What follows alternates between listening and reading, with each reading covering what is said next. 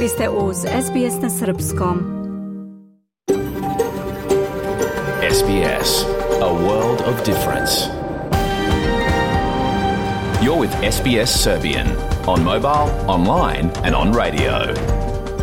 Vi ste uz SBS na Srpskom, na mobilnom, na internetu i na radiju.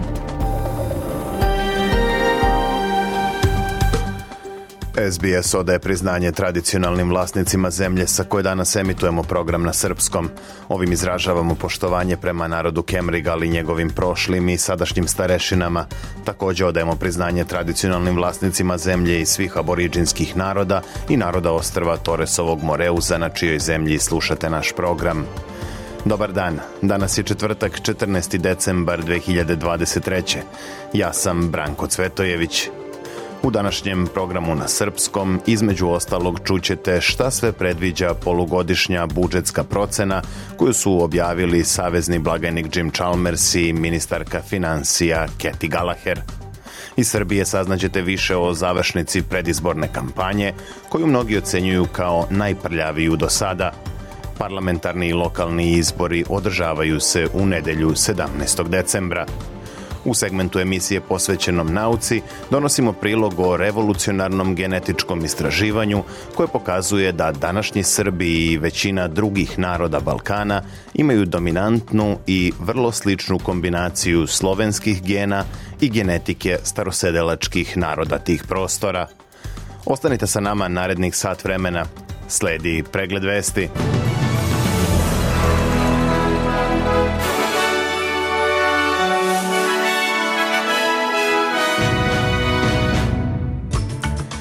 Sjedinjene države zatražile od Australije da pošalje ratni brod u Crveno more. Usvojena brisalska deklaracija, poziv Beogradu i Prištini da u potpunosti sprovedu sporazum o normalizaciji.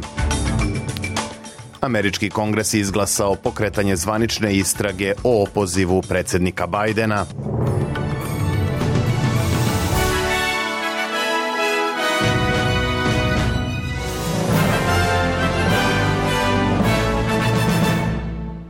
Sjedinjene američke države zatražile su od Australije da uputi jedan od svojih ratnih brodova u Crveno more zbog stalnih tenzija na Bliskom istoku nastalih od izbijanja rata između Izraela i Hamasa. Zahtev je stigao od američke mornarice koja traži da se australijski brod pridruži međunarodnoj operativnoj grupi u jeku sve jačih napada na brodove od strane milicija koje podržava Iran. General major američke mornarice Pat Ryder kaže da situaciju u Crvenom moru treba shvatiti izuzetno ozbiljno i da ono što se dešava tamo predstavlja flagrantno kršenje međunarodnog prava. This is an international problem that requires an international solution. Rajder kaže da međunarodni problemi zahtevaju i međunarodno rešenje. On dodaje da Amerika nastavlja da se blisko konsultuje sa saveznicima i partnerima o implementaciji pomorske operativne grupe. Rajder je istakao da će brodovi nastaviti da patroliraju međunarodnim vodama širom regiona sa ciljem da podrže slobodu plovidbe i napore za osiguranje bezbednosti i stabilnosti a savezni blagajnik Jim Chalmers izjavio je da budžetska štednja neće uticati na sposobnost australijske vlade da pruži pomoć građanima u pogledu rastućih troškova života. Jučerašnja objava polugodišnjeg rebalansa budžeta pokazala je značajno smanjenje deficita koje je uglavnom vođeno većim porezima koje plaćaju kompanije i pojedinci, kao i velikom zaposlenošću u zemlji. Neke socijalne organizacije izrazile su razočaranje zbog nedostatka dodatnih mera za za rešavanje finansijskog stresa kod osoba sa niskim i srednjim prihodima. Međutim, Chalmers je u izjavi za Kanal 9 rekao da će odgovorno ekonomsko vođenje pomoći u smanjenju inflacije. It's inflation which is putting uh, uh, Inflacija je ta koja vrši pritisak na ljude širom Australije i to moramo rešiti, rekao je Chalmers i dodao da se inflacija umiruje, ali da je neophodno da se ona dalje ublažava brže nego do sada. Opširnije o ekonomskim i fiskalnim izgledima u Australiji govorit ćemo odmah posle pregleda vesti a najnoviji podaci Australijskog biroa za statistiku pokazuju da je stopa nezaposlenosti u Australiji neznatno porasla prošlog meseca sa 3,8 na 3,9 odsto. Također zabeleženo je da je u proteklom periodu zaposleno nešto više od 60.000 ljudi. Ekonomisti kažu da su ovakve brojke o nezaposlenosti vođene pokušajima da se inflacija stavi pod kontrolu. Kako se predviđa u rebalansu budžeta, nezaposlenost bi do kraja ove ekonomske godine mogla da poraste na 4,25% pre nego što dostigne 4,5% do sredine 2025. Za to vreme krivični apelacioni sud oslobodio je Kathleen Folbig krivice za ubistvo njene dece. Folbig je provela 20 godina u zatvoru nakon što je proglašena krivom za smrt svoje četvoro dece 1989. i 1999. godine. Ova 56-godišnja žena iz Novog Južnog Velsa od prvog dana je isticala svoju nevinost po ovim optužbama. Folbig je najpre pomilovana u junu ove godine kada su se pojavili novi medicinski dokazi i kada je posebna istražna komisija otkrila razumnu sumnju u njenu krivicu. Posle oslobađanja od krivice, Folbig je izrazila nadu da niko nikada neće morati da trpi ono što je ona pretrpela. I am grateful that updated science Ona je rekla da je zahvalna što su napredna nauka i genetika dali odgovor o tome kako su njena deca umrla. Ipak Folbig ističe da su još 99. postojali pravni odgovori koji su dokazivali njenu nevinost, ali su, kako tvrdi, ignorisani i odbačeni. Sistem je više voleo da okrevi mene nego da prihvati da ponekad deca mogu i umiru iznenada i neočekivano, rekla je Kathleen Folbig. Slušate SBS na srpskom. Pregled vesti slede aktuelnosti iz Srbije i sveta.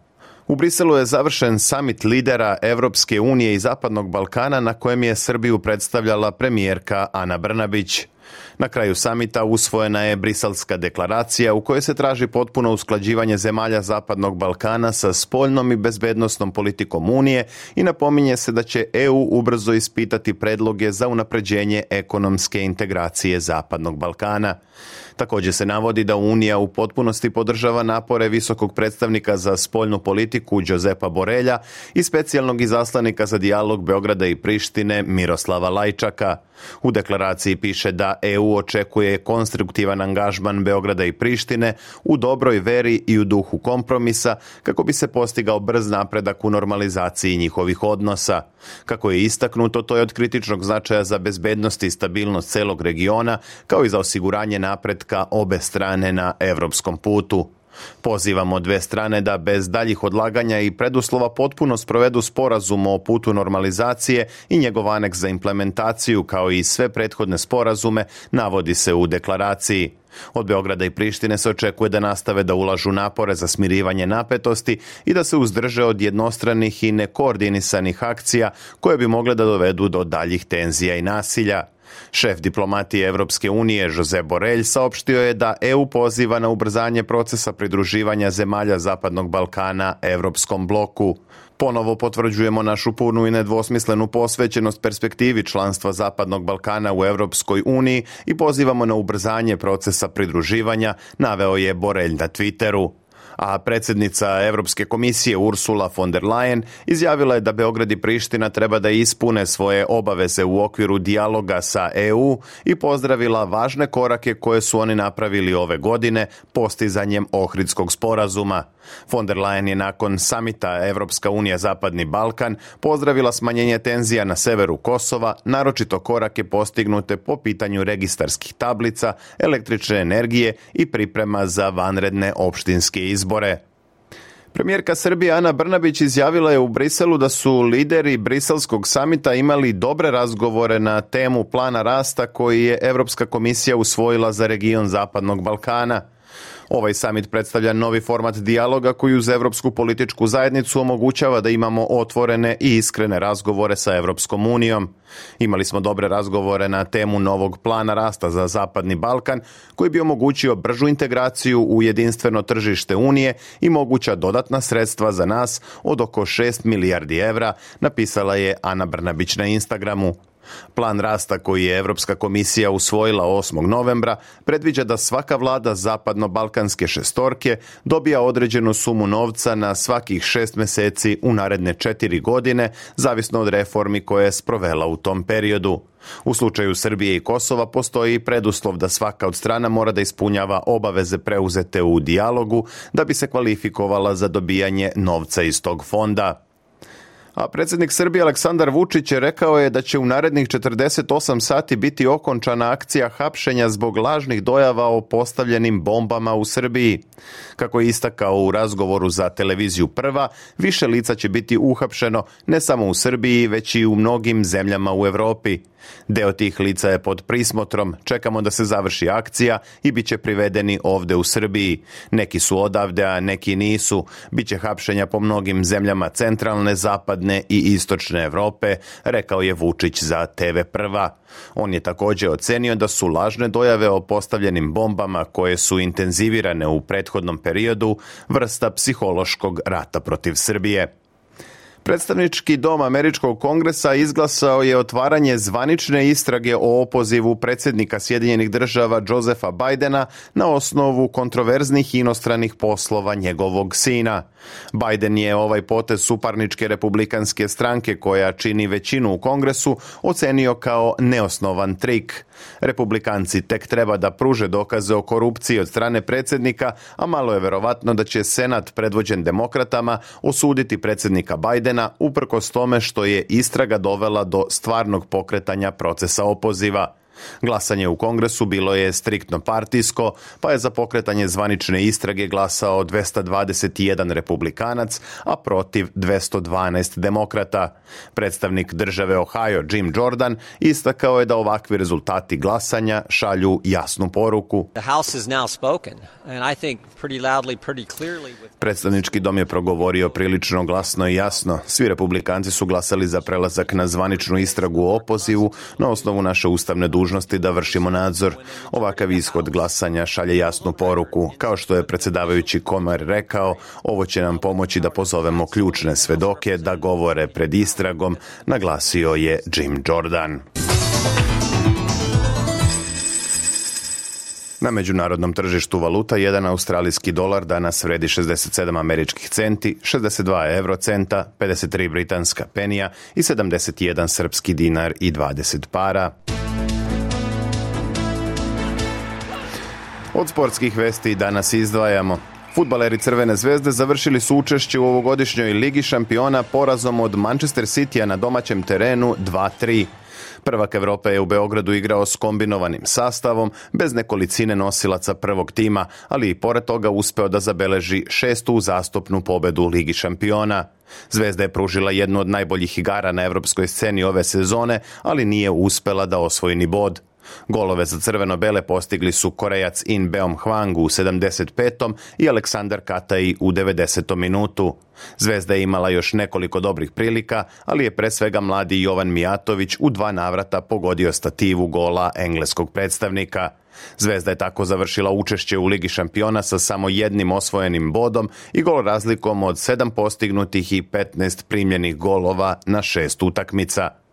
Od jutra su poznati svi učesnici osmine finala elitnog klubskog takmičenja u futbalu, a među 16 klubova najviše predstavnika ima Španija, čak četiri. Italija i Nemačka imaju po tri, a Engleska dva. Po jedan klub u osmini finala imaće Danska, Francuska, Holandija i Portugalija.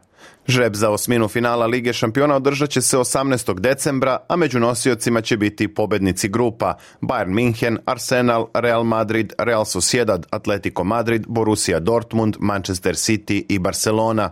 Među nepovlašćenim timovima su danski Kopenhagen, zatim PSV Eindhoven, Napoli, Inter, Lazio, Paris Saint-Germain, Leipzig i Porto.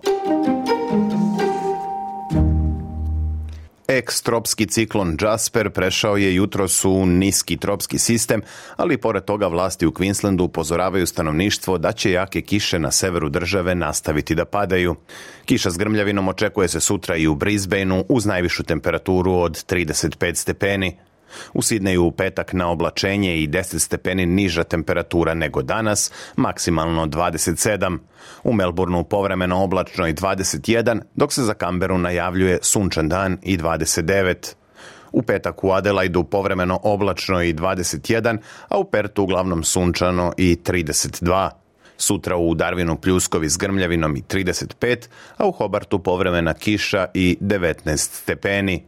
U Srbiji danas oblačno, temperatura od 6 do 10 stepeni. Bilo je to sve u pregledu vesti na srpskom jeziku za 14. decembar 2023. Za više informacija posetite sbs.com.au kosacrta news.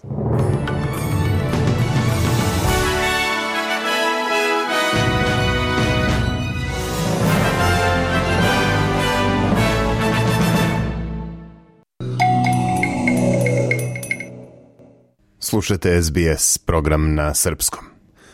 Savezna vlada je u sredu objavila polugodišnju ekonomsku procenu u kojoj se predviđa značajno niži budžetski deficit od onog koji je očekivan u maju. Kako je navedeno u vladinom dokumentu, smanjenje deficita sa 13,9 milijardi dolara na milijardu i 100 miliona postignuto je zahvaljujući snažnom tržištu rada i rastu cena roba. Savezni blagajnik Jim Chalmers kaže da je vladina ekonomska strategija tokom proteklih 18 meseci dovela do ovog, kako je istakao, istorijskog zaokreta. Our strategy over the past 18 months has delivered an historic turnaround in the budget position. I Chalmers i ministarka financija Kathy Gallagher izrazili su veliko zadovoljstvo zbog boljeg izgleda budžeta, čemu su doprineli i veći poreski prihodi i snažno tržište rada sa rekordno niskom nezaposlenošću. Pored toga što se puni državna kasa, smanjuje se i spoljni dug Australije. Chalmers je istakao da će vlada uložiti 92% povećanja prihoda u otplatu državnog duga i u smanjenje pritiska rastuće inflacije. This this and is all about... Ovaj rebalans budžeta je pokazatelj odgovorne ekonomske politike vlade, kaže savezni blagajnik. On dodaje da je upravo takvo upravljanje ekonomijom ono što vrši pritisak na inflaciju i što će smanjiti pritisak životnih troškova. Chalmers kaže da je vlada uložila velike napore da dovede budžet u mnogo bolje stanje nego što je bio i da brojke koje su objavljene govore tome u prilog. Međutim, nisu svi srećni samo činjenicom da je državna kasa punija i da će dug biti smanjen. Novi podaci o inflaciji pokazuju da je indeks potrošačkih cena za oktobar pao na 4,9%, što je i dalje znatno iznad ciljanog okvira Banke državnih rezervi između 2 i 3%. Takođe, realni rast plata je usporio više nego što se očekivalo, pa mnogi zaposleni zapravo imaju manju kupovnu moć sada sa povećanim platama nego što su ranije imali sa nižim zaradama. Predstavnik opozicije za pitanja financija Angus Taylor kaže da se ništa od onoga što je navedeno u vladinoj ekonomskoj proceni neće baviti inflacijom, niti će ublažiti pritisak životnih troškova na australijska domaćinstva. Savezni blagajnik i ministarka financija govorili su o budžetu vlade, ali jedini budžet o kome su izbegavali da govore je porodični budžet koji je u očajnom stanju, kaže Taylor, i ističe da je od dolaska laburista na vlast trošak kamata na kredite porastao trostruko, a da je istovremeno porez na dohodak koji plaćaju domaćinstva povećan za 27%, dok je raspoloživi prihod domaćinstava smanjen za 8,6%. Ekonomski stručnjaci smatraju da će olakšanje za australijske porodice dolaziti vrlo sporo – Jedan od njih je i Chris Richardson, koji objašnjava šta će se zapravo desiti sa rastom plata u narednom periodu. The forecast today essentially say, well, Vladina procena u suštini govori da će plate početi da prate rast cena, ali ne mnogo. Implicitno najavljuje se i da kamatne stope neće padati neko vreme, pa će jedino olakšanje doneti poreske olakšice na prihod, podsjeća Richardson na čuvenu treću fazu smanjenja poreza koja će ipak ostati na snazi i bit će primenjena sredinom 2024. Drugim rečima, svi koji zarađuju između 45.000 i 200.000 dolara godišnje imaće jednaku poresku osnovicu na dohodak uprkos tome što su mnogi ekonomski eksperti i socijalni radnici tražili od vlade da se ta famozna treća faza iz doba Morrisonove vlade ukine, jer kako kažu, neće biti od pomoći onima kojima je najpotrebnije. Međutim, Chalmers kaže da je stav vlade o smanjenju poreza ostao nepromenjen, u dobroj meri i zbog toga što postoji balans u merama koje su već na snazi. We've also found, I think, a really effective way Savezni blagajnik smatra da je vlada pronašla efikasan način da ljudima s niskim i srednjim primanjima obezbedi olakšanje troškova života, bilo da se radi o povećanju podrške dohotku, olakšicama za zdravstvene troškove ili pomoć u plaćanju stanarine i vrtića za decu. Kako je rekao, u te svrhe vlada je izdvojila 23 milijarde dolara u 10 različitih oblasti kako bi olakšala život onima koji se suočavaju s finansijskim teškoćama. Autorka ovog izveštaja je Edvina Ginan iz informativne redakcije SBS-a. Ja sam Branko Cvetojević. Ostanite uz program na srpskom.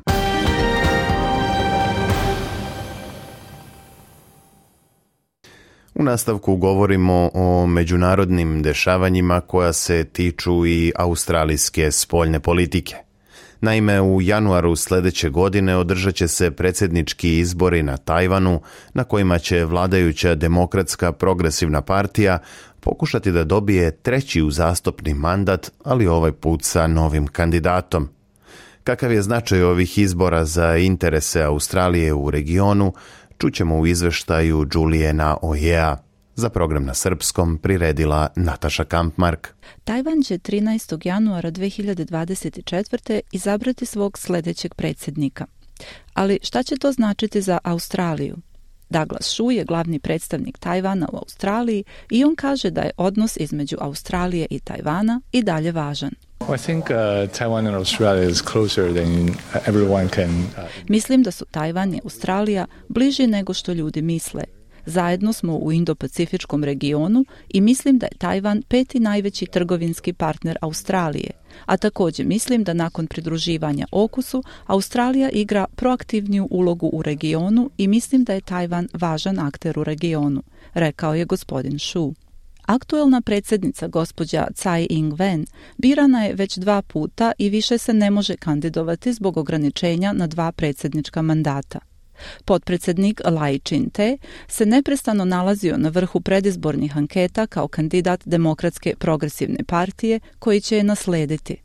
Otkako je Tajvan uspostavio demokratsko državno uređenje 90. godina prošlog veka, političkom scenom su dominirale dve stranke. Demokratska progresivna partija DPP, što je partija levog centra, i Kuomintang KMT, što je partija desnog centra. Richard McGregor je viši saradnik instituta Lowy za Istočnu Aziju.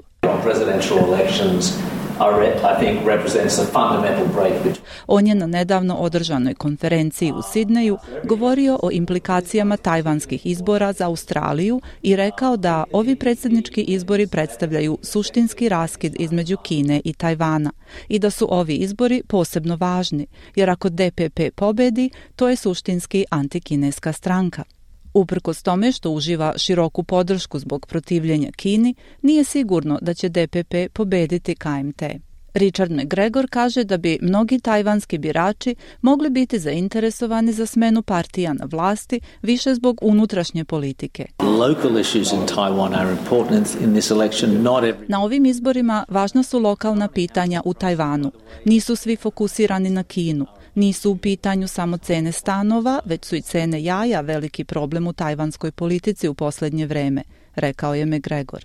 Osećanje zamora prema stranci koja je na vlasti već 8 godina takođe može da deluje protiv DPP-a, uprkos tome što njihova spoljna politika ima široku podršku javnosti. To ostavlja prostor za KMT, pa čak i za trećeg kandidata, bivšeg gradonačelnika Novog Tajpeja, Kovan Đeja. Što se tiče Australije, na Tajvan se prvenstveno gleda kroz njegove odnose sa Kinom. Gospodin McGregor kaže da bi pobeda KMT-a mogla privremeno ublažiti regionalne tenzije. Ako Kuomintang pobedi, mislim da bi u kratkom roku postojao relativno mirniji odnos između dve strane. Iz perspektive australijskih interesa to je dobra stvar, rekao je on i dodao da bi takva situacija međutim bila kratkotrajna to um, uh, bring it under, Taiwan under its control. Kina je odlučna da stavi Tajvan pod svoju kontrolu. Tajvan to ne želi. Stoga, iako dođe do kratkoročnog popuštanja tenzija i povećanja dijaloga u slučaju pobede Kuomintanga, To će biti kratkotrajno, rekao je on. Centar za američke studije Univerziteta Sidney sprovodi godišnje istraživanje javnog mnjenja o nizu spoljnopolitičkih i bezbednostnih pitanja vezanih za Indo-Pacifik. Ovogodišnja anketa je otkrila da i dalje vlada velika zabrinutost zbog tenzija u regionu, posebno zbog potencijalnog sukoba između Australije i Kine. When we asked in our US Studies Center uh, in Sydney in our poll Dr. Michael Green je generalni direktor centra i on kaže da kada su pitali ljude šta bi Australija trebalo da uradi ako bi Tajvan bio napadnut i Sjedinjene države stale u odbranu Tajvana, 50% anketiranih je reklo da bi Australija trebalo da podrži Tajvan i Sjedinjene države, a svega 15% je reklo da ih ne bi trebalo podržati. Gospodin Gregor veruje da su Australijanci zainteresovani za politička dešavanja u Tajvanu. You know, what do Australians think of Taiwan? And I was thinking about this the other day when I went to the dentist. Šta Australijanci misle o Tajvanu? Razmišljao sam o tome pre neki dan kad sam išao kod zubara. Sutradan sam nameravao da putujem u Tajvan i rekao sam to zubaru, a on je na to rekao baš sad pre nego što ga preuzme Kina. Mislim da je to samo jedna anegdota, ali mislim da nešto govori. Mislim da mnogi Australijanci misle da je preuzimanje neizbežno i mislim da je to upravo ono što Peking želi da mislite. Zašto se opirati kad je otpor uzaludan i kad će Kina pobediti, objašnjava gospodin McGregor. SBS na srpskom. Podelimo priče na Facebook stranici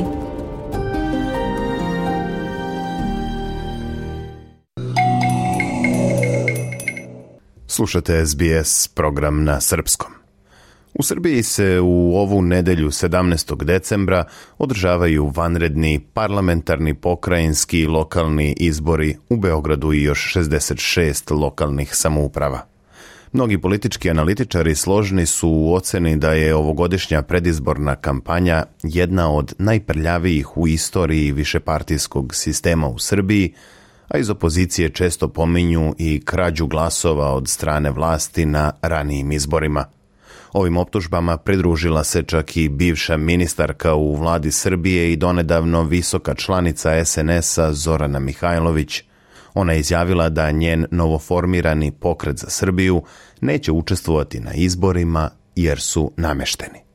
Mihajlović je pokazala i spiskove za koje je rekla da predstavljaju imena desetina hiljada ljudi iz Bosne i Hercegovine, odnosno iz Republike Srpske, koji se prebacuju na fiktivne adrese u Beogradu i Novom Sadu kako bi u tim gradovima glasali na izborima. Opširnije o dešavanjima u Srbiji čućemo od naše saradnice Mije Nikolić koja je na vezi. Mija, dobar dan i kažite nam kako protiču poslednji dani predizborne kampanje da možda krenemo od Beograda oko koga se, e, kako izgleda, vodi najljuća borba.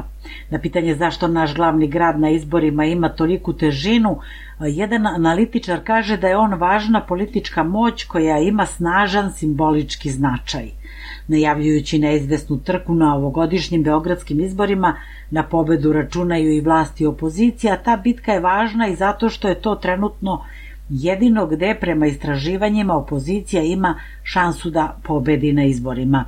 U redovima srpske opozicije, leve i desne, veruju da bi za predsednika Vučića eventualni gubitak vlasti u Beogradu, gradu sa oko 2 miliona stanovnika i preko milioni 600 hiljada birača, značilo izbijanje prvog stuba njegovog režima. Na drugoj strani, vladajuće snage poručuju da im je potreban još jedan mandat da bi završili započeto. Iz državne kase za Beograd inače se izdvaja gotovo duplo više novca nego za pokrajinu Vojvodinu. Budžet Beograda za 23. iznosi 1,6 milijardi evra, dok je budžet Vojvodine oko 928 miliona evra. Trka za našu prestonicu smatra se tesnom i zato što je na prošlim izborima aprila 22. opozicija dobila 70.000 glasova više, ali je koalicija SNS-SPS na kraju uz pomoć preletača iz Zavetnika uspela da formira vlast. Analitičari poručuju da će i ovog puta možda mali broj glasova odlučivati tu beogradsku većinu. Ukoliko bi opozicija uzela vlast u Beogradu, ne bi to bio neki veliki kvantum moći, ali sigurno bi bilo drugačije nego sada. To bi bila potpuno nova realnost za nas i teško je predvideti kako bi se Srpska napredna stranka ponašala u svemu tome, kaže politikolog profesor Dušan Spasojević. Dodaje da bi to moglo vladajućoj koaliciji da donese osporavanja koja bi otežala pojedine planove SNS-a pa samim tim i šansu za određenu kontrolu. Predizbornu kampanju obeležila je i pojava inicijative e, Pro glas, koju je pokrenula grupa od 14 intelektualaca javnih ličnosti sa pozivom građanima da izađu na glasanje. U tekstu ove inicijative koju je od 10. novembra do sada potpisalo oko 175.000 ljudi, navodi se da je Srbija postala zemlja poniženih i privatizovanih institucija u senci kriminala spregnutog sa strukturama vlasti i uz korupciju koja postaje stil života. Pokretači proglasa pozivaju građane da se u punom kapacitetu angažuju ne samo na promeni nepodnošljive društvene zbilje, već i u izgradnji Srbije u kojoj će biti nemoguće da nam se takva zbilja ponovi. Ubrzo nakon pokretanja ove inicijative, predsednik Vučić je najavio svoju verziju podrške javnih ličnosti, to jest objavljivanja knjige sa potpisima 2100, kako je rekao, pristojnih i normalnih ljudi koji podržavaju njegovu listu i pristojnu, normalnu i uspešnu Srbiju, a koja je minulih dana i obnarodovana. Naglasio je da su prošli put imali podršku 5-6 akademika, da je uz njih sada čak desetoro članova Srpske akademije nauka i umetnosti. Reakcije na ove dve liste su naravno podeljene. Na listi 2100 pristojnih normalnih ljudi ima dosta lekara, profesora univerziteta, sportista, pevača. Kako piše nedeljnik vreme, iznenađenje predstavlja jedino Nikola Jokić. No, mnogo je više reakcija, osporavanja, pohvala, raskrinkavanja, podrške usmereno na pokretače inicijative Proglas, a evo nekih. Portal Srbin Info ocenjuje, na primer, da je Proglas neformalni skup motivacioni govornika američkog formata i sadržine koji u mnogome podsjeća na predpetooktobarske mreže, otpore, ceside i druge, koji su bili finansirani od zapada kako bi se srušila vlast i postavio novi kolonijalni upravnik, naglašavajući da je svaki normalan čovek u Srbiji protiv diktature, kriminala, mita i korupcije, e, stranačko-parazitskog sistema, medijskih nesloboda. Ovaj portal postavlja pitanje zašto potpisnici proglasa nisu otvorili pitanja od suštinskog značaja za opstanak srpskog naroda. Šta misle proglasovci o nezavisnosti Kosova, ulasku Srbije u NATO, genocidu u Srebrenici i tako dalje – Iako će neki reći početak svega je promena vlasti, takvo mišljenje ne stoji jer je potrebna promena sistema, a nosioci proglasa Srpske napredne stranke i koalicija Srbija protiv nasilja deo su istog sistema, liberalnog kapitalizma u čijoj je osnovi bogoborački komunizam. Kada bi njihove političke opcije pobedile na izborima, nastavili bi kolonijalnu politiku Zapada – samo malo kulturnije, gospodski, uglađenije, zaključuje Srbin Info. Jedan od potpisnika proglasa, dramski pisac Siniša Kovačević iz nacionalistički i desno orijentisane narodne stranke uz podsjećanje da radio televizija Srbije nijednom rečju nije izvestila o ovoj inicijativi, kaže da je proglas važan jer nije ni levo ni desno, već je odraz sve nacionalnog nezadovoljstva, to je krik zabrinutih, očajnih, inteligentnih, obrazovanih ljudi. Aktivisti za ljudska prava ističu da proglas nije stranačkog karaktera, već društvenog i da sutra može predstavljati tačku spoticanja i za neku novu vlast, da su njegovi inicijatori nekompromitovane osobe, ugledne, obrazovane, čvrstog i nespornog ličnog i profesionalnog integriteta – i da su oni simbol svih vrednosti koje režim ne može da podnese. Inače, pobornici inicijative Proglas poručuju da je ključni mehanizam moći svakog građanina u savremenim demokratskim, uređenim srećnim zajednicama pravo glasa i da velika izlaznost znači manjak prostora za razne predizborne, izborne i postizborne inženjeringe i krađe. Međutim, sociolog Srećko Mihajlović, koji slovi za najiskusnijeg istraživača javnog mnjenja, iznosi nešto drugačija saznanja, iskustva i procene e, dobitna kombinacija za izbore u oligarhiji koja nastoji da se prikaže u demokratskoj verziji glasi zastrašivanje, ucene i podmićivanje naroda koji ima pravo glasa. Više je naroda s pravom glasa koji ima nisku otpornost prema ovoj trijadi, nego naroda koji je teško zastrašiti, nego ljudi koji ne daju povoda za ucenu i koji odbijaju mito. Reči su sociologa Srećka Mihajlovića koji navodi da se u Srbiji precenjuje obim uticaja konkretnih izbornih krađa na izborni rezultat. On ukazuje da ovaj put izborna krađa može da se desi na osnovu zloupotrebe rezervoara glasova birača sa Kosova i birača iz dijaspore. Moguća je i zloupotreba, to jest potplaćivanje biračkih odbora. Ističe da je, međutim, to ukupno mnogo manje obim gubitka glasova nego onaj koji nastaje ucenom birača i pritiskom na njih i naglašava da su te vrste predizbornog lopovluka mnogo obimnije i značajnije za izborni ishod nego ono što se dešava na sam dan izbora. Mihajlović naglašava da su od predizbornih mnogo bitnije postizborne koalicije i kaže da stranka koja je akumulirala celokupno društveno bogatstvo i društvenu moć, posle izbora može da manipuliše rezultatom i voljom glasača, jer tom manipulacijom stvara mogućnost da na vlast dođu oni koji po mišljenju birača nisu to zaslužili. Mija, hvala na ovom istrpnom izveštaju. Bila je to naša saradnica Mija Nikolić sa najnovijim informacijama o predizbornoj kampanji u Srbiji koja ušla u svoju poslednju fazu uoči izbora zakazanih za nedelju 17. decembar. Slušate SBS na srpskom. Ja sam Branko Cvetojević.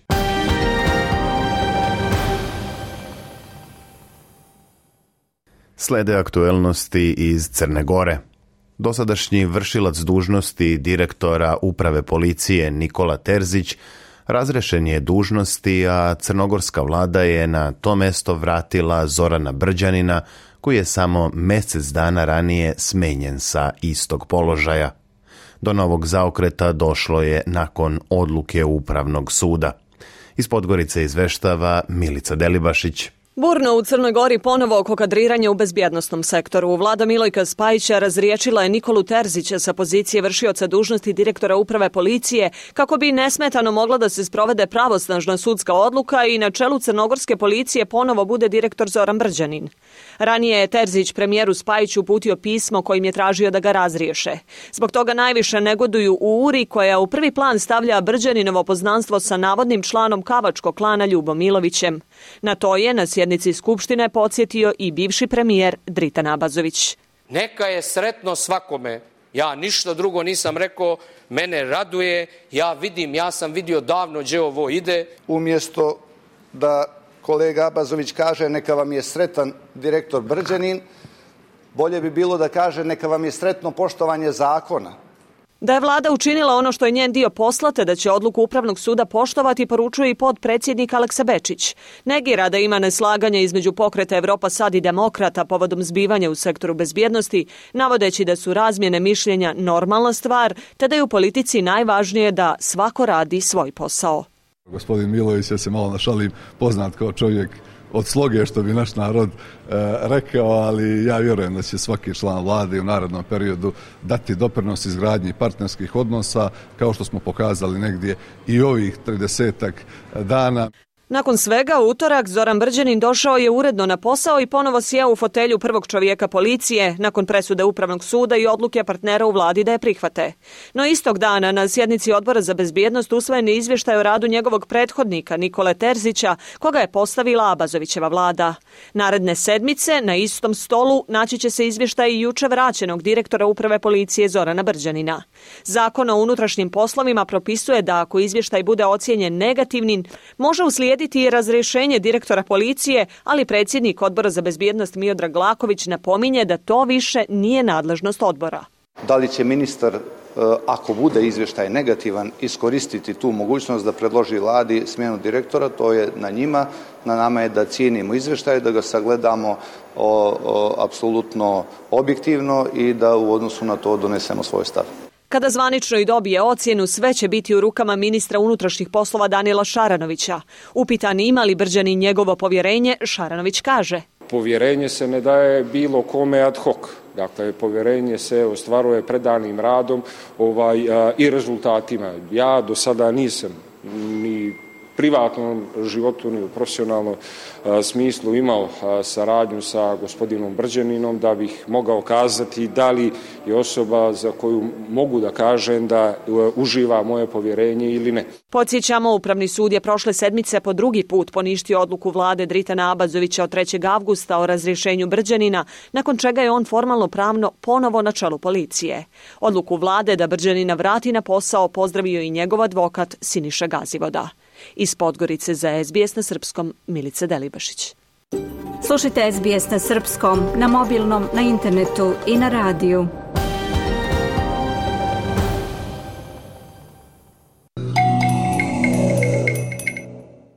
Slušate SBS na Srpskom. Međunarodni tim naučnika sproveo je sveobuhvatno genetičko istraživanje populacije koja je tokom prvog milenijuma nove ere živela na Balkanskom poluostrvu. Saznanja do kojih su došli, poredeći ove nalaze sa uzorcima genetskog materijala sadašnjih stanovnika tih prostora, u velikoj meri menjaju pogled na tradicionalnu istoriju. Naime, Oni pokazuju da današnje srpsko stanovništvo, kao i neki drugi susedni narodi, pored slovenskog imaju i značajan udeo autohtonog starobalkanskog porekla. Ovo petogodišnje istraživanje pokrenula je grupa srpskih istraživača zajedno sa kolegama s dva ugledna svetska univerziteta, američkog Harvarda i španskog univerziteta u Barceloni.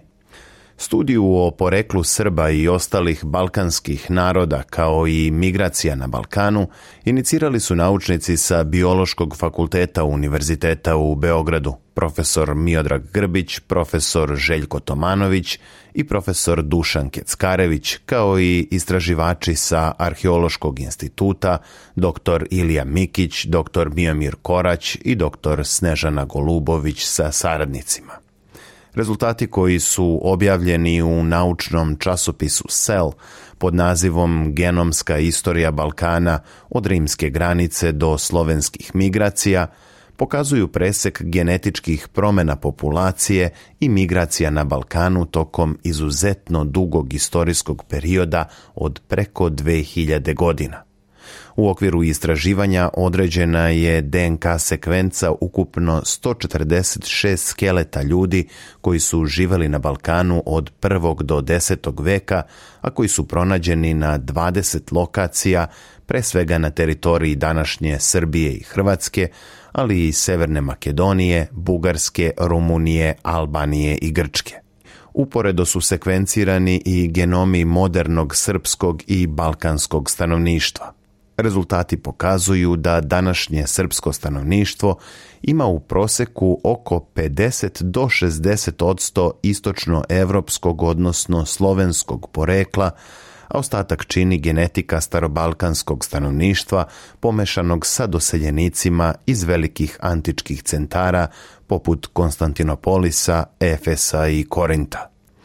U ovoj studiji zabeleženi su genetski dokazi kontinuiteta sadašnjeg stanovništva Srbije i drugih delova Balkana sve do bronzanog doba. Gostujući profesor Biološkog fakulteta u Beogradu, Miodrag Grbić, inače zaposlen na Univerzitetu Zapadni Ontario nedaleko od Toronta, izjavio je da je današnje srpsko stanovništvo u suštini autohtonog porekla, ali uz značajan upliv slovenske genetike – Profesor Grbić je sa saradnicima prikupio uzorke DNK od ljudi koji se na osnovu zajedničkih kulturnih osobina izjašnjavaju kao Srbi, a koji danas žive širom Balkana, u Srbiji, Hrvatskoj, Crnoj Gori i Severnoj Makedoniji.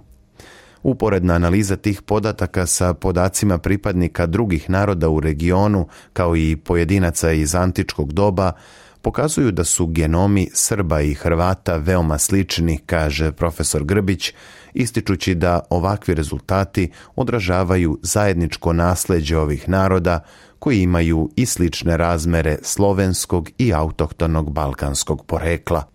Prema njegovim rečima, analiza DNK iz antičkog doba, zajedno sa arheološkim podacima i istorijskim zapisima, može doprineti boljem i bogatijem razumevanju istorije Balkana.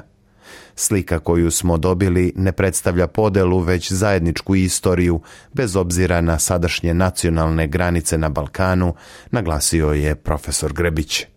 On kaže i da su ljudi koji su živeli na balkanskim prostorima u gvozdenom dobu bili na sličan način pogođeni velikim migracijama do kojih je došlo najpre u vreme Rimskog carstva, a kasnije i dolaskom Slovena. Svi ovi uticaji zajedno rezultirali su sličnim genetskim profilom savremenog stanovništva Balkana, naglasio je Grbić. Istraživanje je potvrdilo da su se tokom 6. i 7. veka dogodile masovne slovenske migracije koje su ostavile dubok genetički trag kod svih balkanskih naroda. Profesor Pablo Carion sa Instituta za evolucionu biologiju u Barceloni jedan je od vodećih autora ove sveobuhvatne studije. On kaže da rezultati pokazuju da se dolazak slovenskog stanovništva na Balkan dešavao tokom nekoliko generacija i da je uključivao čitave porodice. Pored Srba, oko 50 do 60 odsto slovenske genetike imaju i današnji Hrvati, Rumuni i Bugari. Manji ali značajan udeo slovenskih gena, čak i preko 30 odsto, zabeležen je kod stanovništva Grčke – Veliki genetički doprinos doseljenih Slovena vidljiv je ne samo kod naroda koji govore slovenskim jezicima kao što su Srbi i Hrvati, već i kod naroda koji ne govore slovenskim jezicima, pre svega Rumuna i Grka, kaže David Reich, profesor humane evolucione biologije na Univerzitetu Harvard. Prema rečima Dušana Kjeckarevića sa Biološkog fakulteta u Beogradu, Različiti jezici, religija i kultura balkanskih naroda ukazuju na njihove drugačije demografske i kulturne procese tokom milenijuma istorije, ali su genetski ovi narodi veoma bliski. On dodaje da analiza genoma današnjeg balkanskog stanovništva pokazuje najveću genetičku bliskost Srba, Hrvata i Rumuna – Najveći broj analiziranih uzoraka iz prvog milenijuma potiče sa lokaliteta Viminacijum kod Kostolca, gde se nekada nalazio glavni grad rimske provincije Gornje Mezije. Ovo je jedinstven arheološki lokalitet na kojem je do sada otkriven najveći broj skeleta iz doba Rimskog carstva, negde oko 20.000. Međutim, ono što je studija takođe utvrdila jeste da u prikupljenom DNK, uključujući tu i rimske vojnike, gotovo da nema genetike stanovništva sa Apeninskog poluostrva. Kako kažu naučnici, to ukazuje na značajnu integrisanost lokalnog balkanskog stanovništva u Rimskom carstvu. Naučnici takođe ukazuju na činjenicu da je čak 18 rimskih imperatora rođeno na prostorima današnje Srbije te da su oni svi uglavnom bili pripadnici lokalnog starosedelačkog stanovništva. Na osnovu toga može se pretpostaviti da postoji i kontinuitet njihove genetičke veze sa današnjom populacijom.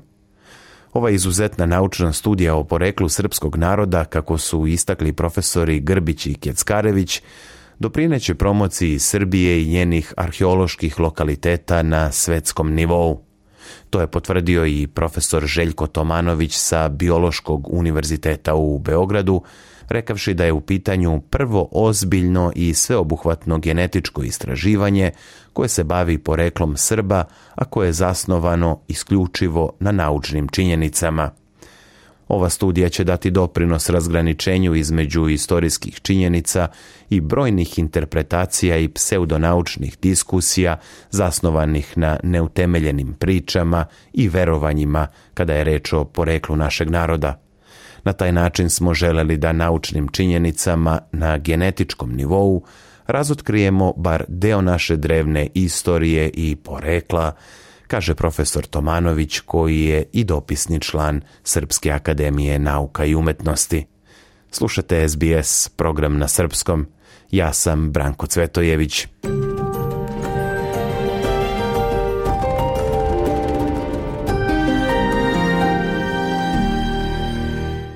I dalje govorimo o nauci.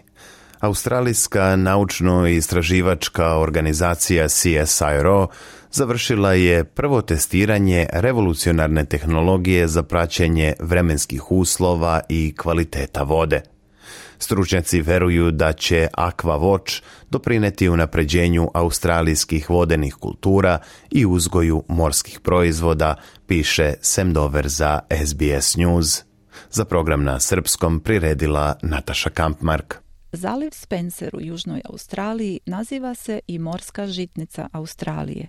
Sa širokim spektrom akvakulture i komercijalnog ribolova, zaliv godišnje snabdeva tržište ribom i rakovima u vrednosti od 238 miliona dolara godišnje.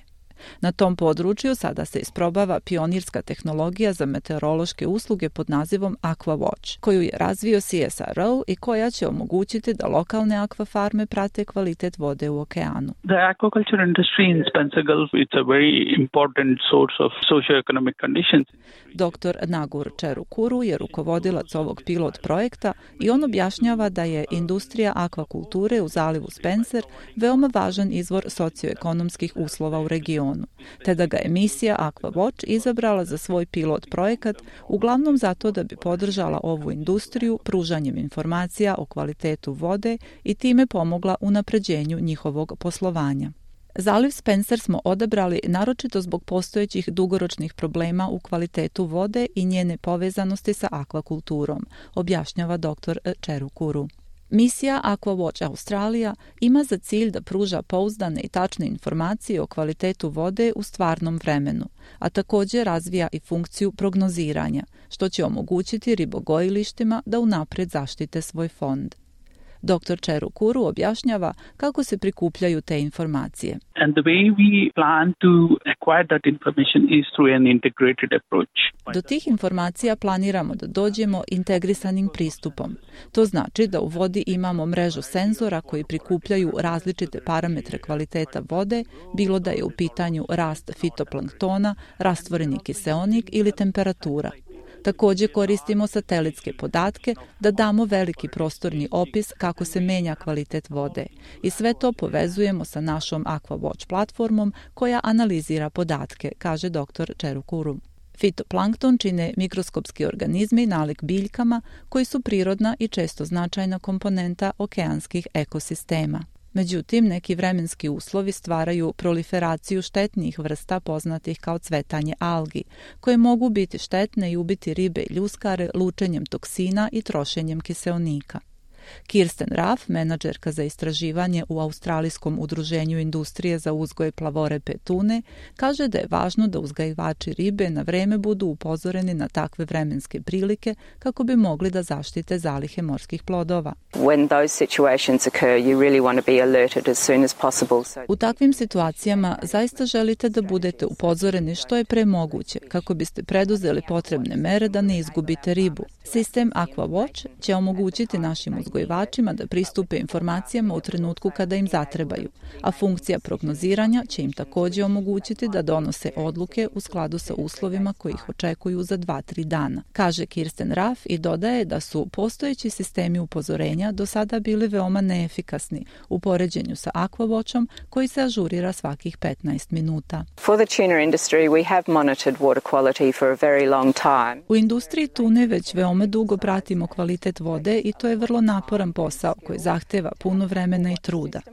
Primena sistema AquaWatch će sve to pojednostaviti, ali još korisnije bi bilo ako bi se sistem poput ovog mogao postaviti na mnogo šire područje, kako bismo bolje razumeli neke veće procese koji uslovljavaju ono što se sada dešava u obalskom pojasu, kaže ona. CSRO ovu revolucionarnu tehnologiju testira na još četiri lokacije u Novom Južnom Velsu i Queenslandu, uključujući i veliki koralni greben. Dr. Čeru Kuru kaže da će AquaWatch tokom narednih godina biti proširen na više regiona širom zemlje. So all these sort of pilots are giving um, information that Pilot projekti poput ovog pružaju informacije koje će ljudima pomoći da donesu odluke o očuvanju i održavanju ekosistema. Svi ovi pilote su dovoljno razvijeni tako da ćemo u narednih nekoliko godina u saradnji sa lokalnim partnerima proširiti ovaj pilot na druge regione, najavio je dr. Čerukuru.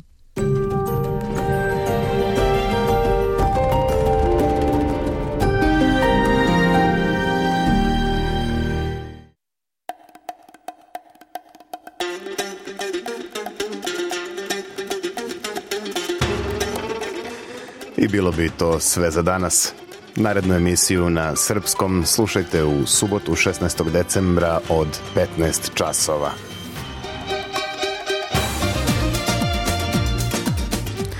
Naš program možete slušati uživo ili na zahtev putem internet stranice sbs.com.au kosacrta srbijen ili na mobilnoj aplikaciji SBS Audio. Pratite nas i na Facebooku gde ćete takođe pronaći najznačajnije informacije, intervjue i reportaže iz našeg programa. Moje ime je Branko Cvetojević. Želim vam prijatan dan i do slušanja.